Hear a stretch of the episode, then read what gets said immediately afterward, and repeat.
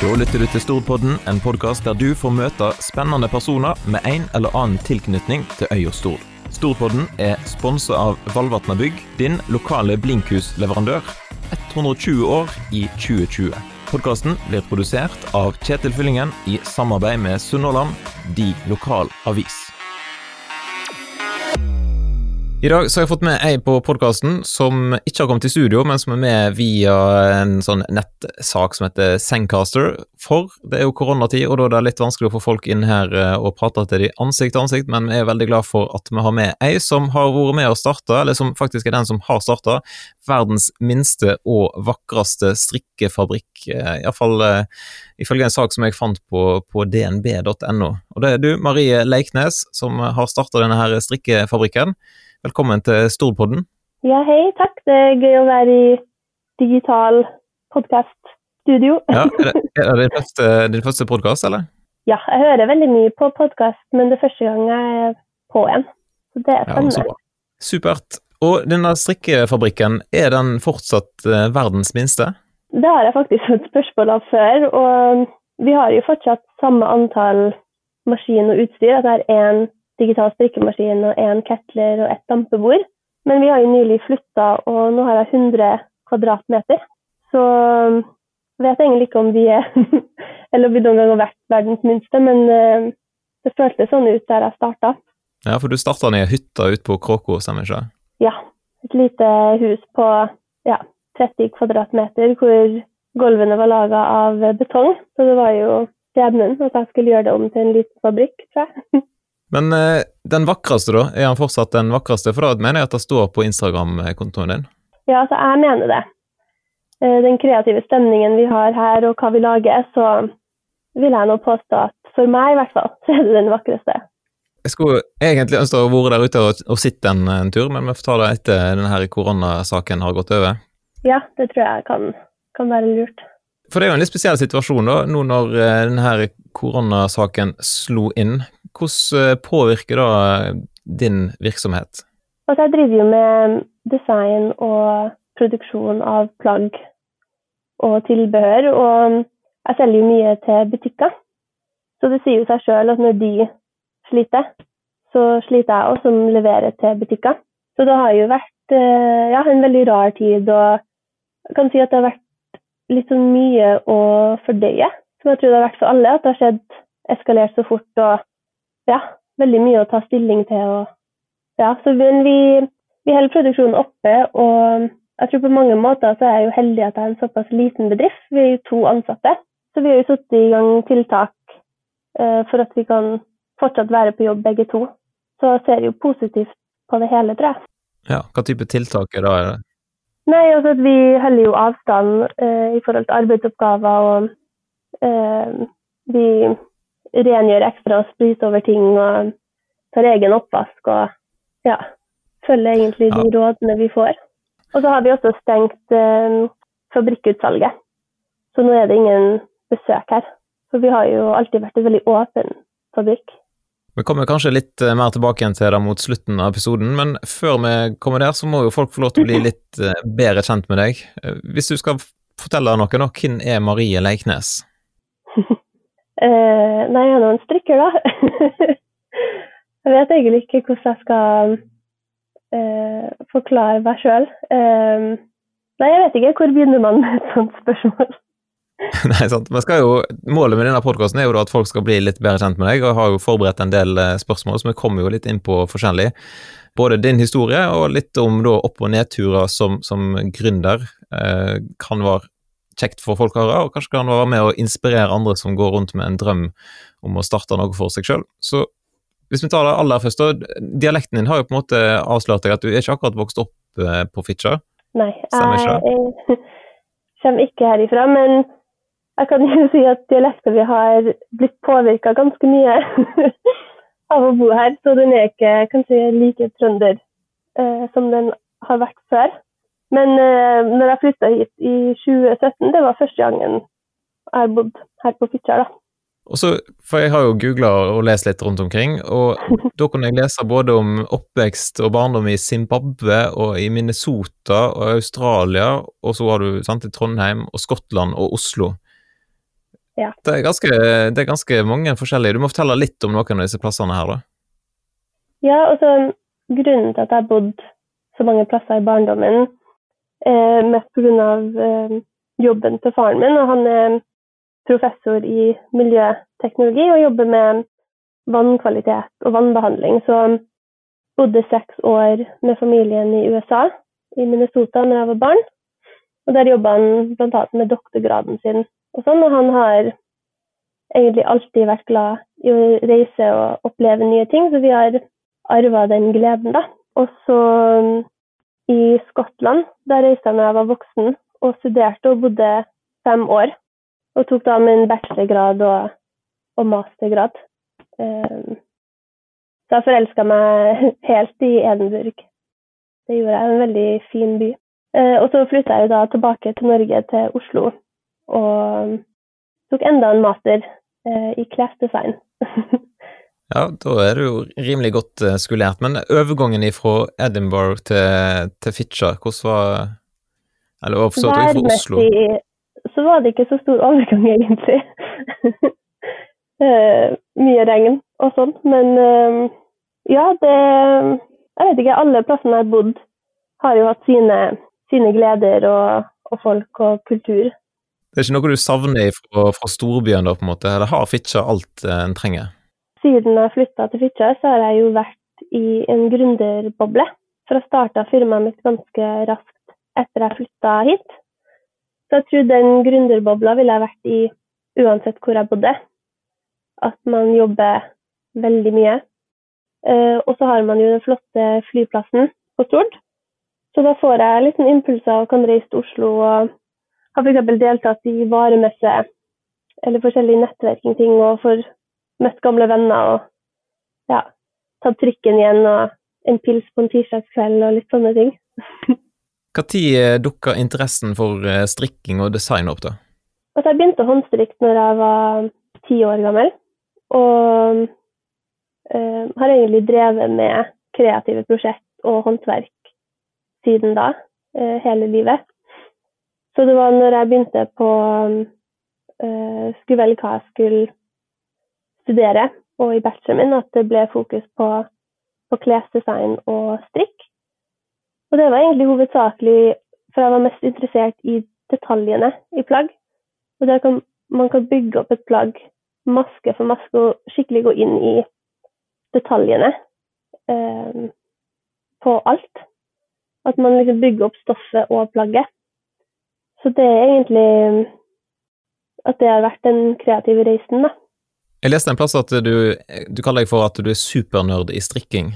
Hvordan ser det ut i praksis?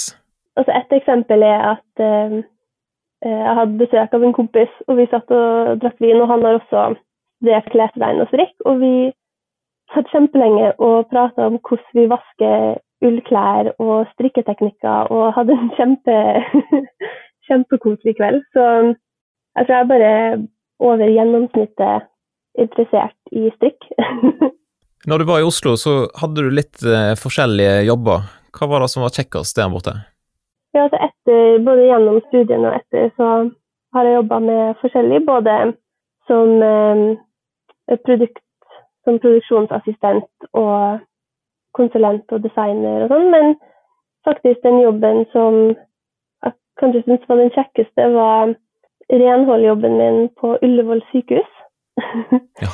det er kanskje litt rart å si, men eh, fordi, ikke rart fordi det er renhold, men siden jeg har valgt et kreativt yrke. Men det var også de folkene jeg jobba med, var så fantastiske. Og vi hadde det så kjekt på jobb. Og så jobba jeg på operasjonsavdelingen. Og jeg fikk en skikkelig glede av å gå inn i et operasjonssal og rydde og vaske. Og gå ut så var alt sånn shiny og rent. Det var en skikkelig tilfredsstillende jobboppgave. Det var så bra. De hadde mm. sikkert eh, hatt bruk for eh, flere som deg der borte nå i denne tida, kanskje? Ja, jeg har faktisk tenkt litt på, på det nå, i hvert fall med mye med, med korona, hvor viktig sånne jobber er. Ja, sant. Men så kom ideen om å, å starte for seg sjøl. Eller kanskje du kan si litt om hvor kom ideen ifra, og hvorfor akkurat på Fitja? Um, altså, ideen for å starte for meg sjøl starta vel imens jeg studerte i Skottland. Og jeg var med på forskjellige eh, gründerworkshops og pitchekonkurranser. Og kjente at det var veldig gøy å ikke bare tenke på design og produktet, men bygge hele forretningsstrategien og merkevaren. Så der begynte egentlig drømmene, drømmen om å ha et firma for meg sjøl. Og så jobba jeg jo litt i Oslo og kjente litt på at jeg hadde lyst til å være min egen sjef og eh, bygge noe sjøl. Eh, og grunnen til at jeg havna her på Fitjar, er familie. At jeg har min mor og stefar her, blant annet. Så da flytta jeg hjem. og eh, satsa alt på, på firmaet. Fortell litt mer om oppstarten, da. Hva var det som var mest utfordrende? Eh, jeg tror det som var mest utfordrende, var markedsføring. Og hvordan man skal få spredt ordet om hva man driver med. I hvert fall som en gründerbedrift så har man ikke alltid de største budsjettene å jobbe med. Så man må tenke kreativt og ja, bygge opp den bevisstheten. Da. Eh, og i hvert fall når man ikke har en ren utdanning i markedsføring eller det her fra før, og at jeg jobber ja, i denne strikkeboblen, så tror jeg det kan være en av de mest uh, eller de største utfordringene i startfasen. Har du fått noe hjelp da på veien, liksom? Er det noen Vi har jo tidligere hatt inn folk fra Ateno på podkasten her som har fortalt litt om at de hjelper folk i sånn oppstart. Har du vært borti deg, eller andre type hjelp? Ja, jeg har fått masse god hjelp fra Ateno. Vi har hatt flere gode samtaler og møter og tips og råd. og De har vært en veldig stor støttespiller for meg. Eh, og Innovasjon Norge har gitt meg økonomisk hjelp med den eh, jeg husker ikke helt hva det heter, men den oppstarttilskuddet. Og også mentorprogram. Altså jeg fikk eh, noen timer én til én med en mentor, som har hjulpet veldig. For som gründer så har man jo veldig mange oppgaver man skal ta hånd om sjøl. Så det er utrolig mye å lære. Og det er jo fantastisk kjekt, men er jo også utfordrende. Og så har jeg hatt masse støtte fra familiemedlemmer. Både ikke de som bor her, og de som, som er her lokalt. Jeg har jo blant annet, altså, Mora mi og stefaren min sitter i styret, så vi har veldig gode samtaler om økonomi og strategi og ja. Så der får jeg veldig mye hjelp. Stemmer det at det er mor di som har starta Fitjar såpekokeri, eller roter jeg da? Ja, det var hun som starta, starta Fitjar Island, så, eh, så, hun har jeg fått veldig mye inspirasjon fra. Og hun har jo god erfaring med, med dette med nettbutikk og det at hun eh, produserte alt sjøl, i tillegg til at hun gjorde alt andre. Så eh, det stemmer. Og nå eh, driver hun med andre spennende prosjekt hvor hun bygger nettsider til folk. Og det har jo også hjulpet meg. Vi har uh, jobber med en ny nettside for Lake som vi bygger opp sjøl. Og hun ja, har mange spennende nye gründerprosjekt på gang. Så det er veldig sånn gründerorientert familie. ja, det hjelper jo sikkert på. Hvordan var prosessen med Innovasjon Norge? Er det vanskelig å få støtte fra deg? Jeg bare ser for meg at det da må jo være litt eh, krevende. Eh, og så kan jeg egentlig ikke uttale meg om hvordan det er for alle. Men jeg fikk jo støtte. Eh, det kan være at du er vanvittig flink. Men eh, jeg gikk gjennom søknadsprosessen og um, la fram ideen min av, av hva jeg ville eh, jobbe med, og fikk eh, og så Jeg kan si at jeg starta med å dra på, på det de kaller for det, idé til marked, som er en slags dagsworkshop, hvor du møter um, andre som har gründerdrømmen, og får snakka én og én med Eh, de som jobber i Innovasjon Norge. Så da kan man få litt tilbakemelding på ideen man sitter på. Så det var der min reise begynte. Måtte du gjøre noen justeringer på, måte, på ideen din? Jeg har jo utvikla ideen helt fra starten, men uh, kjernen av ideen min har jo alltid vært der.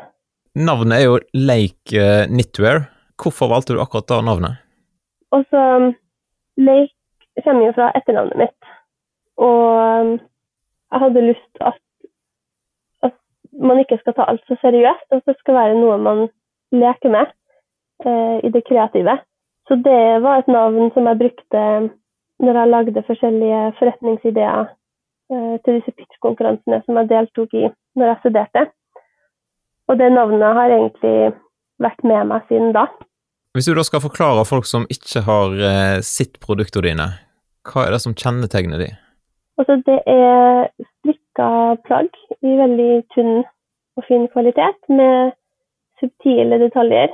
Og det er tidløse plagg. Og når man ser på det jeg jobber med innenfor lek, så leker jeg veldig mye med forskjellige fargesammensetninger. Der kan man se på skjerf og, og garnet. Eh, men selve plaggene er rene linjer og ja, liksom luksuriøst basisplagg, kan man vel si. Det er plagg som man kan bruke i mange sammenhenger og style forskjellig og ja, være det du har på deg hver dag. Folk må jo ta turen inn på en ting som, Sorry, ikke for arbeid. jeg må bare nevne én ting til, og det er lommer. Lommer i kjoler er Ja. også noe lomme er så viktig. Nei, lommer eh, de er bare viktig. Og jeg syns lommer mangler i så mange plagg. Eh, Enten det ikke finnes, eller at de er bare pyntelommer. Så det har vært en eh, liten lidenskap som har tatt med i plaggutviklinga. Ja, tøft. Og De som ikke har sett eh, plaggene dine, de må jo gå inn på enten Instagrammen eller nettsida di. Sånn sett, da legger vi sikkert en lenke til i podkastbeskrivelsen. Men eh, det er jo sånn at du, du strikker, men heldigvis så strikker du ikke for hånd, tenker jeg. Eh, du har en digital strikkemaskin. Da må du fortelle litt om hvordan den fungerer, for jeg har aldri sett noe sånt. Ja, og så strikkemaskinen min, det er babyen min. Hun veier ett tonn. Ganske stor maskin. Og um, da programmerer jeg alt på en datamaskin. Uh, og bestemmer hvordan hver maske og hver rad skal være på dataen. Og så fører jeg over filen på en USB-pinne uh, til strikkemaskinen og setter på riktig tråd og klarer maskinen. Og så er det da at sleden på maskinen beveger seg eh, uten hjelp fra meg. At den jobber selvstendig da, etter jeg har fått filen inn. Så det hadde jo vært helt umulig å håndstrikke de plaggene som er maskinstrikka. Jeg vet ikke hva slags håndstrikkepinnenummer det hadde vært. Det er veldig fin strikk. Men strikker den da Si at du programmerer inn en kjole. Jeg, sant? jeg har sett at du har noen fine svarte kjoler. Mhm. eh, strikker den liksom helt ferdig kjolen, eller må du, til, du må til å sy og ting etterpå, liksom, må ikke du det? Ja, altså etter jeg har strikka delene hver for seg, så uh, monterer vi de sammen med en ketlemaskin.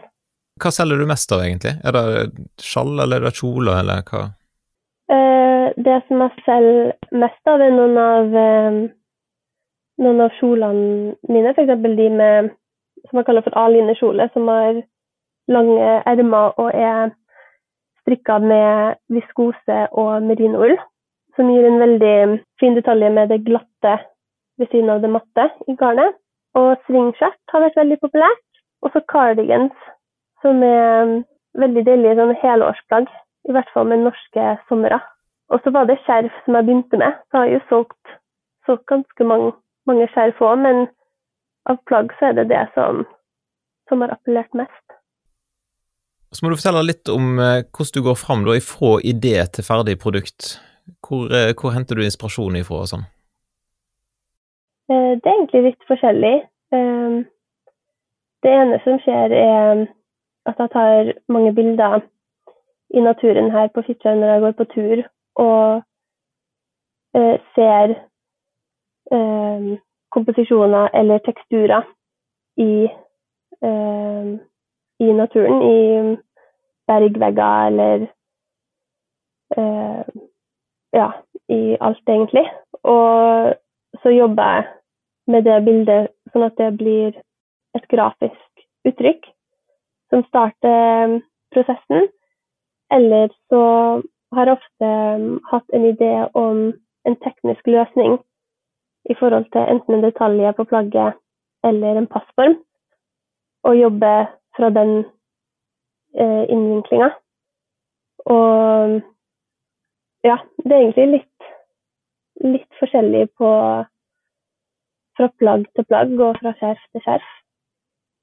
Men eh, jeg kan ofte våkne og ha drømt om en ny teknisk løsning som setter i gang en hel kreativ prosess. og det var kanskje en av hovedgrunnene til at jeg ville ha en egen fabrikk. For jeg syns det er veldig mye kreativt som kan skje i den tekniske delen av det. Når man tar det fra tegning til et ferdig plagg, så er det så mange muligheter for hvordan man kan gjøre halsen eller sette bitene sammen og, ja, og virkelig ha kontroll på, på hele prosessen. Du sa at du programmerer liksom inn rad for rad. Eh, bare lurer på Hvor lang tid tar det da, hvis du skal, når du designer en kjole rad for rad? Det må jo ta litt tid? Ja, men eh, med dataprogrammer så kan man jo copy-paste noe hvis flere rader er like, eller Det er jo ikke alltid at jeg bygger det som legoklosser, hele plagget, men at jeg har en mulighet til å gå inn på et enkelt rad og bestemme hva som skal skje hvis jeg vil at noe skal skje så detaljert som den ene masken. Hvis det var altså, et bra svar. ja, ja, det var kjempebra. Men du kan, kan du si liksom anslagsvis jeg bruker ca. én dag på å designe en kjole, eller bruker du en time, liksom? Det første året jeg hadde firma, så var, gikk mye av tiden til utvikling. Og da kan jeg ta f.eks. den ribbgenseren min, hvor halsen er strikka i ett. Så når plagget kommer ut av maskinen, så er halsåpningen ferdig. Og det er en veldig sånn, fin detalj på plagget. Og ikke det som er så vanlig av det man ser i, på andre plagg. Og det er noe som tok meg flere uker å få, få til helt som jeg ville. Men den utviklingsdelen har jo blitt med videre til nye plagg. Så det er egentlig ganske vanskelig å si hvor lang tid ett plagg har tatt. Den første gangen Sunnhordland skrev om deg, da var i oktober 2017. Da var du vel ganske sånn nyoppstarta, tror jeg? Ja. Stemmer ikke det? Ja. Eh, fortell litt om hvordan reisa har vært fra oppstart til der du er i dag. Det har vært en veldig spennende reise. Eh, jeg brukte jo veldig mye av, eh, av tiden min i starten på å lære maskinen og utvikle og skape på en måte de første prototypene og skjerfene. Og så har jeg vært veldig heldig å uh, møte Grete på Genibutikken på Larvik, som begynte å ta inn plaggene mine uh, i slutten av 2018. Og der har jeg fått veldig god, god respons. Uh, og det åpna døra for å selge til flere butikker. og interessen for det jeg driver med, har vært veldig, veldig positiv. Og jeg får stadig tilbakemeldinger om at, at plagg holder seg så godt i vask, og det varer lenge. Og det var det som var målet, så da blir jeg ja, veldig glad når jeg får sånne tilbakemeldinger. Um, og så har jeg rett og slett vokst ut av det første studiet og fikk leid et større område. Uh, og jeg tror kanskje det største som har skjedd, er at jeg har fått min første ansatt. Så nå er vi to som jobber her, og det var en stor milepæl, egentlig. Så det, ja, det har skjedd utrolig mye siden start, samtidig som det føles ut som det har blunka forbi. Vet du, Har du regna på hvor mange arbeidstimer har du brukt? Eh, det tror jeg er ganske mye, for jeg kan bestemme at ok, denne søndagen skal jeg ta meg fri. Men så havner jeg ofte innom fabrikken, for jeg har bare lyst til å gjøre noe. Så jeg har jo det så mye glede i det jeg gjør òg, at jeg velger jo ofte å komme hit når jeg også tar meg fri. Så hvor mange timer det er, det vet jeg virkelig ikke. Hvis du skulle valgt en gang til, da, og eh, satsa arven på strikking, for det var vel det du gjorde, da, jeg tror ikke vi nevnte før, men du, du, hadde fått en arv, og da var det du investerte i strikkeprosjektet. Ja. Eh, hadde du gjort det en gang til, eller hadde du heller kjøpt en leilighet i Oslo? Altså, det er litt morsomt at du spør meg det der, for det har jeg spurt meg sjøl flere ganger før. Og ofte så har jeg tenkt på det hvis jeg har vært veldig sliten, eh, eller at ting har virka litt uoverkommelig, eller blitt litt overvelda av det å, å, være gründer. Men så våkner jeg alltid og gleder meg så sykt til å dra til fabrikken. Og den gleden jeg har av å skape ting med maskinen, er så stor at jeg kommer aldri til å angre. Og har alltid tenkt at jeg ville angra mer på å ikke prøve enn hvis jeg prøvde og feila. Og det går jo veldig bra, så angrer ikke. Ja, og så nå ser jeg jo at du har begynt å, å selge din egen tråd. Da må du fortelle litt om. Ja, det er en kjempegøy ny fase og nytt kapittel. Uh, og det hele starta egentlig når jeg studerte og lærte maskinstrikk for første gang. Og da begynte jeg med å ta håndstrikk sammen med maskinstrikk. Og fra maskinstrikk til håndstrikk. Jeg har alltid egentlig hatt en drøm om å ta de to verdenene, de verdenene sammen. Så nå har jeg skapt uh, håndstrikkegarn fra den tynne tråden som jeg bruker i produksjon av plaggene. Og det er Podlin verkstad som har nøsta opp fine 50 grams nøster. Eh, og disse kan man kjøpe på nettbutikken og strikke sine egne plagg og luer. Og så jobber jeg med et prosjekt, at, et prosjekt som blander maskinstrikk med håndstrikk. Så da får du en strikkepakke med maskinstrikka deler, hvor man sjøl fullfører plagget og skaper noe helt unikt til seg sjøl. Så det her er eh, en glede å jobbe med. Så nå er det virkelig strikk 24 timer i døgnet. Fra strikkemaskinen til håndstrikk på sofaen. ja, for du, du, tar fram strikketøyet på kvelden og, og strikker litt sjøl? Ja, jeg gjør det. Men uh, det har jo dessverre ikke så mye tid som jeg kunne ønske meg til å sitte og håndstrikke, så jeg har heldigvis flere som teststrikker og hjelper å sjekke om mønstrene er bra. Og mora mi som har håndstrikka kjempelenge og utrolig dyktig, veldig involvert i dette prosjektet. Det er veldig gøy å kunne dele den skapergleden og ja, jobbe med håndstrikk sammen med det, altså parallelt med det vi gjør i fabrikken allerede. Nå skal ikke jeg skryte på meg at jeg er veldig god på strikking, men jeg ser for meg at å, å strikke med litt sånn den finere tråden, at det da må være litt vanskeligere. Eh, stemmer det? De garnnøstene våre, så har vi tatt fem tråder av den tynne tråden som jeg strikker med. Så man strikker med pinne tre, Så jeg vet ikke om sier deg noe. Absolutt ingenting. Ellers så har vi eh, flere mønstre hvor man bruker to ender av tråden og kan strikke mye løsere og lage fine sommerullgensere. Eh, og når vi har flere tynne tråder samla, så kan vi skape veldig stilige meleringer med fargene. Og så blir det bare en veldig, veldig sånn glatt og fin strikk. Og det var litt av grunnen til at jeg ville jobbe mer med håndstrikk, var at den kvaliteten av det garnet jeg jobber med, er så, er så fin, og jeg er så glad i den og fargene at vi ville det over til det håndstrikkeprosjektet. Ja, tøft. Så alle som liker å strikke, de må inn og sjekke ut uh, det nye garnet? Ja, de må ta seg turen innom Instagram og nettbutikken. Og nå i disse koronatider så uh, kjører vi også og levere uh, på Stord, hvis noen ønsker det. Ja, lurt. Så vi tilpasser oss sånn som alle andre med tidene. Ja, sant.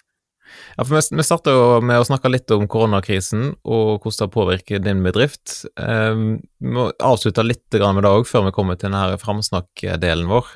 Altså, som eh, sjef for en liten bedrift, da, hva tenkte og følte du når eh, det gikk opp for deg hvor store konsekvenser denne koronakrisen skulle få? Altså, det var jo um, Man har jo gått gjennom mange følelser, og man har jo et ansvar, i hvert fall når man har ansatte og hvordan bedriften skal fungere og komme seg gjennom situasjonen som de er i nå. Og i hvert fall når jeg selger mye til butikker, og så jo hvor raskt de ble ramma av det her. Så vi har hatt veldig stort fokus på å holde produksjonen i gang. For når ting løsner seg og flere kan ta turen innom butikken igjen. Og det tror jeg har vært en positiv ting med måten vi jobber på, at vi gjør egen produksjon. Og det er ikke så mange ledd i utlandet som plaggene våre må gjennom. Så vi har den kontrollen. Så vi har jo da satt mer fokus på nettbutikken, og vi har jobba med håndstrikkegarn veldig lenge. Vi begynte før jul og hadde som plan å lansere dette før påske. Så da med disse tider så håper vi at de som bruker mye av tiden sin nå på strikke, har lyst til å teste vårt garn nå, nå som vi, de fleste skal ha en hjemmepåske, så blir det kanskje litt kreative prosjekt. Mer tid til strikking, rett og slett. Ja. Ja, men det er jo aldri så gale, på en måte. Når folk ikke kan eh, dra på hytta, så kan de iallfall sitte hjemme og strikke. Da har vi kommet til den delen i podden der vi eh, prøver å framsnakke det som er bra med Stord, og trekke fram eh, både personer, plasser og positive opplevelser. Eh, har du en person som du kan trekke fram, som har vært viktig for deg som, som gründer? Ja, jeg har veldig lyst til å nevne Kari Svanberg. Og hun er en gründer sjøl, som driver Vindblikk, og hun er fotograf. Så hun har tatt flere av, av bildene for meg og firmaet. Og grunnen til at jeg har lyst til å nevne hun, er at jeg tror hun er veldig flink på, på det her med produktbilder og det vi har gjort, men jeg tror det hun er flinkest på, er å få den personen som er foran kamera, som ikke er så vant med å bli tatt bilde av, føle seg avslappa og ha det gøy. Hun er veldig flink med det her med portretter og bedriftsfoto. Så hvis det er flere der ute som er som meg, som vil helst være bak kamera og jobbe, men uh, som gründer må man jo ta litt bilder i ny og ne, så kan jeg virkelig anbefale hun. Du må gjenta navnet og så eventuelt en, en link til en nettside eller en Instagram-konto. Ja, det er vindblikk.no, og hun heter Kari Svanberg. Ja, dagens framsnakk, rett og slett. Ja. Og så om du har en eh, favorittplass eh, på øya Stord? Ja, eh, favorittplassen min er jo ganske nær der jeg bor, og det er stranda på Port Steingard på Kråko. Utrolig vakker strand. Ikke at det alltid er så god badevær, men eh, det er en veldig flott plass å være. Eh, og det er rett ved siden av PS bryggekafé. Så om sommeren så kan man kjøpe seg litt iskrem og sitte på stranda. Ja, dagens, dagens, tips, rett og slett. Eh, og så til slutt, da, en positiv opplevelse. Ja, da har jeg lyst til å snakke om Sunnhordland brukthundeklubb.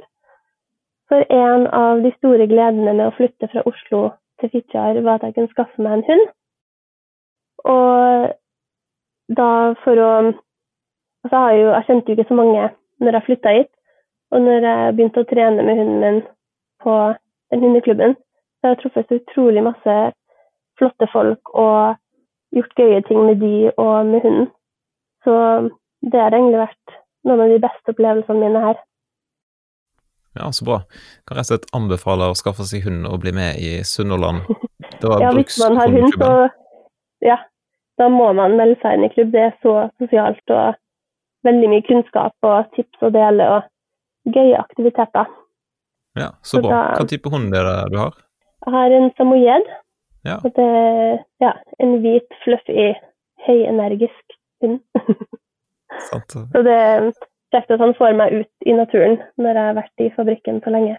Det høres lurt ut. Så når koronakrisen er over, da er folk eh, velkommen til å ta turen utom deg på Fitja og se verdens vakreste strikkefabrikk. Hvor, hen, hvor hen ligger den? Den er i uh, Havnaveien 90. Og vi har uh, stor ringeklokke og er åpen når jeg er her. Og i mellomtida så må dere komme på en digital tur innom nettsiden og Instagram. Sant. Da ønsker vi deg kjempelykke til eh, videre med strikkinga og alt som du eh, holder på med der ute i eh, fabrikken, og så takker vi for at du var med på Stordpodden. Ja, tusen takk. Det var kjempekjekt. takk for at du lytta til denne episoden av Stordpodden. Vi håper da at du vil fortsette å høre på podkasten, og del den gjerne med noen som du kjenner. Og Har du innspill til hvem vi skal intervjue i Storpodden, da er det bare å ta kontakt på redaksjonen redaksjon.sunnhordland.no. Storpodden er sponsa av Valvatna Bygg, din lokale blinkhusleverandør, 120 år i 2020. Og helt til slutt, du er sannsynligvis abonnent på Sunnhordland allerede, men dersom du ikke er det, da kan du gå til sunnhordland.no og teste ut avisa i fem uker for fem kroner.